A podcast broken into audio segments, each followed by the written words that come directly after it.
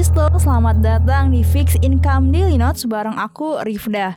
Di episode kali ini kita bareng-bareng nge-review mengenai bagaimana pergerakan market obligasi pada hari kemarin Rabu 27 September 2022 dan juga kita akan ngebahas gimana nih pergerakan obligasi pada hari ini dan ke depannya. Tentunya di episode kali ini pun kita akan ditemani oleh rekan saya Nanda dari Fixed Income Analyst. Halo Nanda. Halo Rifda. Oh ya Nanda, kemarin itu saya lihat pergerakan mata uang rupiah ini kembali melemah ya. Apa itu gara-gara investor ini panik karena adanya insight dan juga uh, outlook mengenai kemungkinan resesi yang akan terjadi di dunia ini? Oke, uh, cukup serem ya uh, sentimen yang ada yaitu resesi. Memang betul ya rupiah kita melemah kemarin ada di 15.263 per dolar Amerika Serikat. Tetapi Bank Dunia ini sudah memprediksi bahwa pertumbuhan global di tahun 2022 ini direvisi yang tadinya 4,1 menjadi 2,9 dan IMF juga memproyeksi pertumbuhan global di tahun 2022 direvisi juga yang 3,6 menjadi 3,2 persen seperti itu.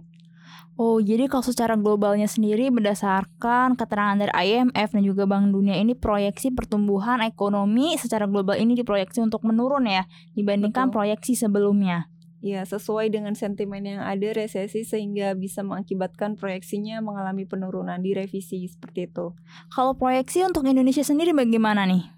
Oke, kalau untuk Indonesia sendiri dari khusus ASEAN Development Bank ini memang menyebutkan bahwa ASEAN ini bisa masih ada negara yang mengalami pertumbuhan positif di tahun 2023.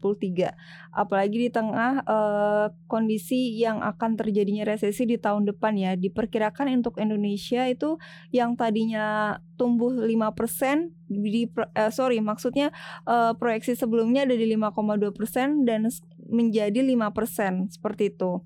Jadi ada penurunan juga tapi masih e, mengalami pertumbuhan positif dibandingkan dengan negara Amerika Serikat maupun Eropa seperti itu. Jadi khusus di wilayah ASEAN masih ada negara yang mengalami pertumbuhan secara positif. Selain e, Malaysia, Filipina juga diperkirakan masih positif dan Indonesia termasuk salah satunya seperti itu. Oh, cukup menarik juga ya. E, walaupun proyeksi pertumbuhannya ini dipangkas yang tadinya 5,2 jadi 5%, tapi ini masih cukup dikatakan sebagai pertumbuhan yang cukup baik ya 5% secara year on year ini apalagi pas kemarin uh, Ibu Sri Mulyani juga sempat memaparkan bahwa pertumbuhan ekonomi Indonesia di kuartal 3 pun masih diproyeksi tumbuh secara positif.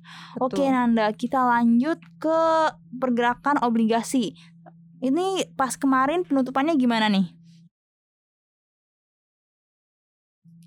Untuk kinerja indeks serta return obligasi dicatatkan bahwa melemah sebesar 0,07 persen ada di level 333.36 dan pelemahannya diikuti oleh uh, akibat dari kinerja obligasi korporasi maupun pemerintah itu sendiri. Sedangkan untuk dari volumenya perdagangan obligasi pemerintah di pasar sekunder ini tercatat 18,9 triliun sedangkan obligasi korporasi ada di 2,5 triliun seperti itu. Oh iya, jadi untuk kinerjanya masih cenderung melemah, tapi untuk volumenya sudah mulai mengalami peningkatan ya dibandingkan kemarin. Walaupun kemarin sendiri ada lelang.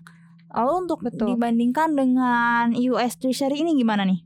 Oke, untuk yield obligasi Indonesia dengan tenor 10 tahun sekarang posisinya ada di 6,79% dan mengalami penurunan minus 6 basis point dibandingkan dengan sebelumnya. Sementara di US sendiri ikut turun juga sekitar 23 basis point menjadi 3.73% dan untuk spreadnya sendiri mencapai 342.1 basis point dan sekarang menjadi 367.3 basis point seperti itu.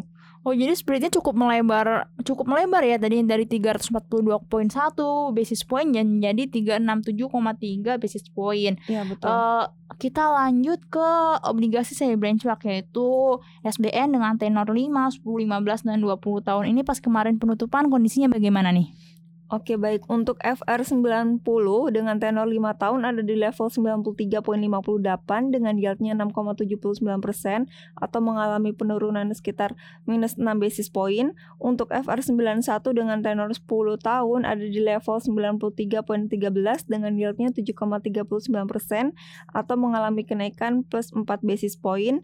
Untuk FR92 dengan tenor yang paling lama yaitu 20 tahun ada di level 96.44 dengan yieldnya 7,47 atau mengalami kenaikan tipis sebesar 1 basis point. Sedangkan untuk USD Indon 26 mengalami peningkatan juga ya dengan 46. Untuk 26 Indonnya ada di level yield 5,32%, untuk Indon 46 level yieldnya ada di 6,28% seperti itu.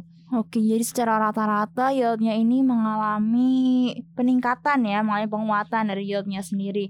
Lalu kita lanjut ke seri obligasi yang eh, volume transaksi dari seri obligasi apa aja sih yang paling banyak ditransaksiin? Oke, untuk uh, yang paling banyak itu kemarin ada di FR96 yang paling aktif, volumenya mencapai 433 miliar dan untuk obligasi korporasi masih ada di Sinarmas Multi Arta tahap 2 tahun 2022 seri D. Ini mencapai volumenya 278 miliar seperti itu. Oh, jadi yang sekarang sesuai dengan teori ya di mana kalau misalkan suku bunga naik gitu harga yang makin panjang tenornya itu paling mengalami penurunan. Jadi sekarang lagi banyak diburu ini yang tenor pendek ya, termasuk juga untuk obligasi korporasi di mana yang paling banyak ditransaksikan juga adalah obligasi berkelanjutan 2 Sinarmas yaitu dengan tempo di tahun 2022. Lalu untuk kredit default swapnya ini gimana nih? Oke, okay. uh, eh, untuk premi kredit default swapnya mengalami peningkatan di tenor 5 tahun ini ada di level 165.45 dengan posisi tersebut mengindikasikan probabilitas defaultnya sebesar 2,76% seperti itu. Jadi mengalami peningkatan dengan dibandingkan seming dari pekan selama sepekan ini seperti itu. Oh, jadi nggak bisa dipungkiri ya bahwa informasi adanya penurunan proyeksi pertumbuhan ekonomi global ini dan juga adanya potensi resesi ini juga mempengaruhi ke kredit default swap Indonesia ya juga probabilitas defaultnya ini juga meningkatkan walaupun masih di angka 2,76. Kalau pandangan Anda sendiri untuk pasar obligasi ke depannya gimana nih?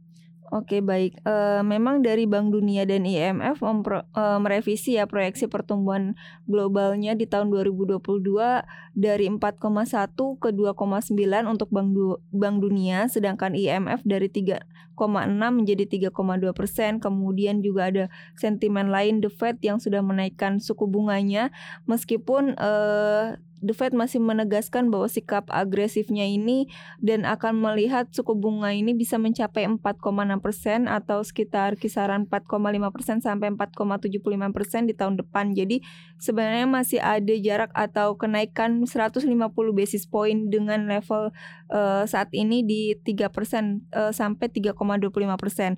Di sisi lain untuk Bank Indonesia sendiri memang dari BI 7 days repo rate ini uh, juga mengalami kenaikan sebesar 50 basis point menjadi 4,25 persen, tapi realisasi APBN 2022 per Agustus uh, bisa mencatatkan surplus sebesar 100, 107,4 triliun per Agustus 2022 atau 0,58 persen dari PDB.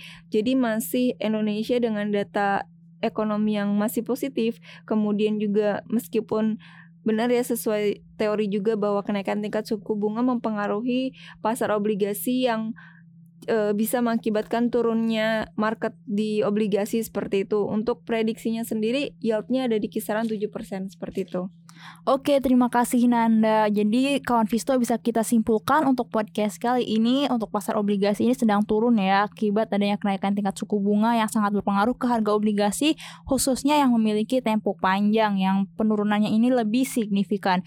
Dan juga khususnya untuk obligasi yang didenominasi USD ini juga mengalami penurunan karena patokannya itu dari US karena e, kenaikan suku bunga US juga mempengaruhi ke kinerja obligasi yang didenominasi USD ini. Sedangkan di tengah maraknya isu resesi ini masih ada negara yang diproyeksikan mengalami pertumbuhan positif khususnya di ASEAN dan ada Indonesia di dalamnya. Oke kawan Visto, untuk podcast kali ini kita sudahi di sini. Buat kawan Visto yang pengen lebih tahu tentang investasi, silahkan kunjungi investasiku.id. Investasiku for better tomorrow. Investasiku.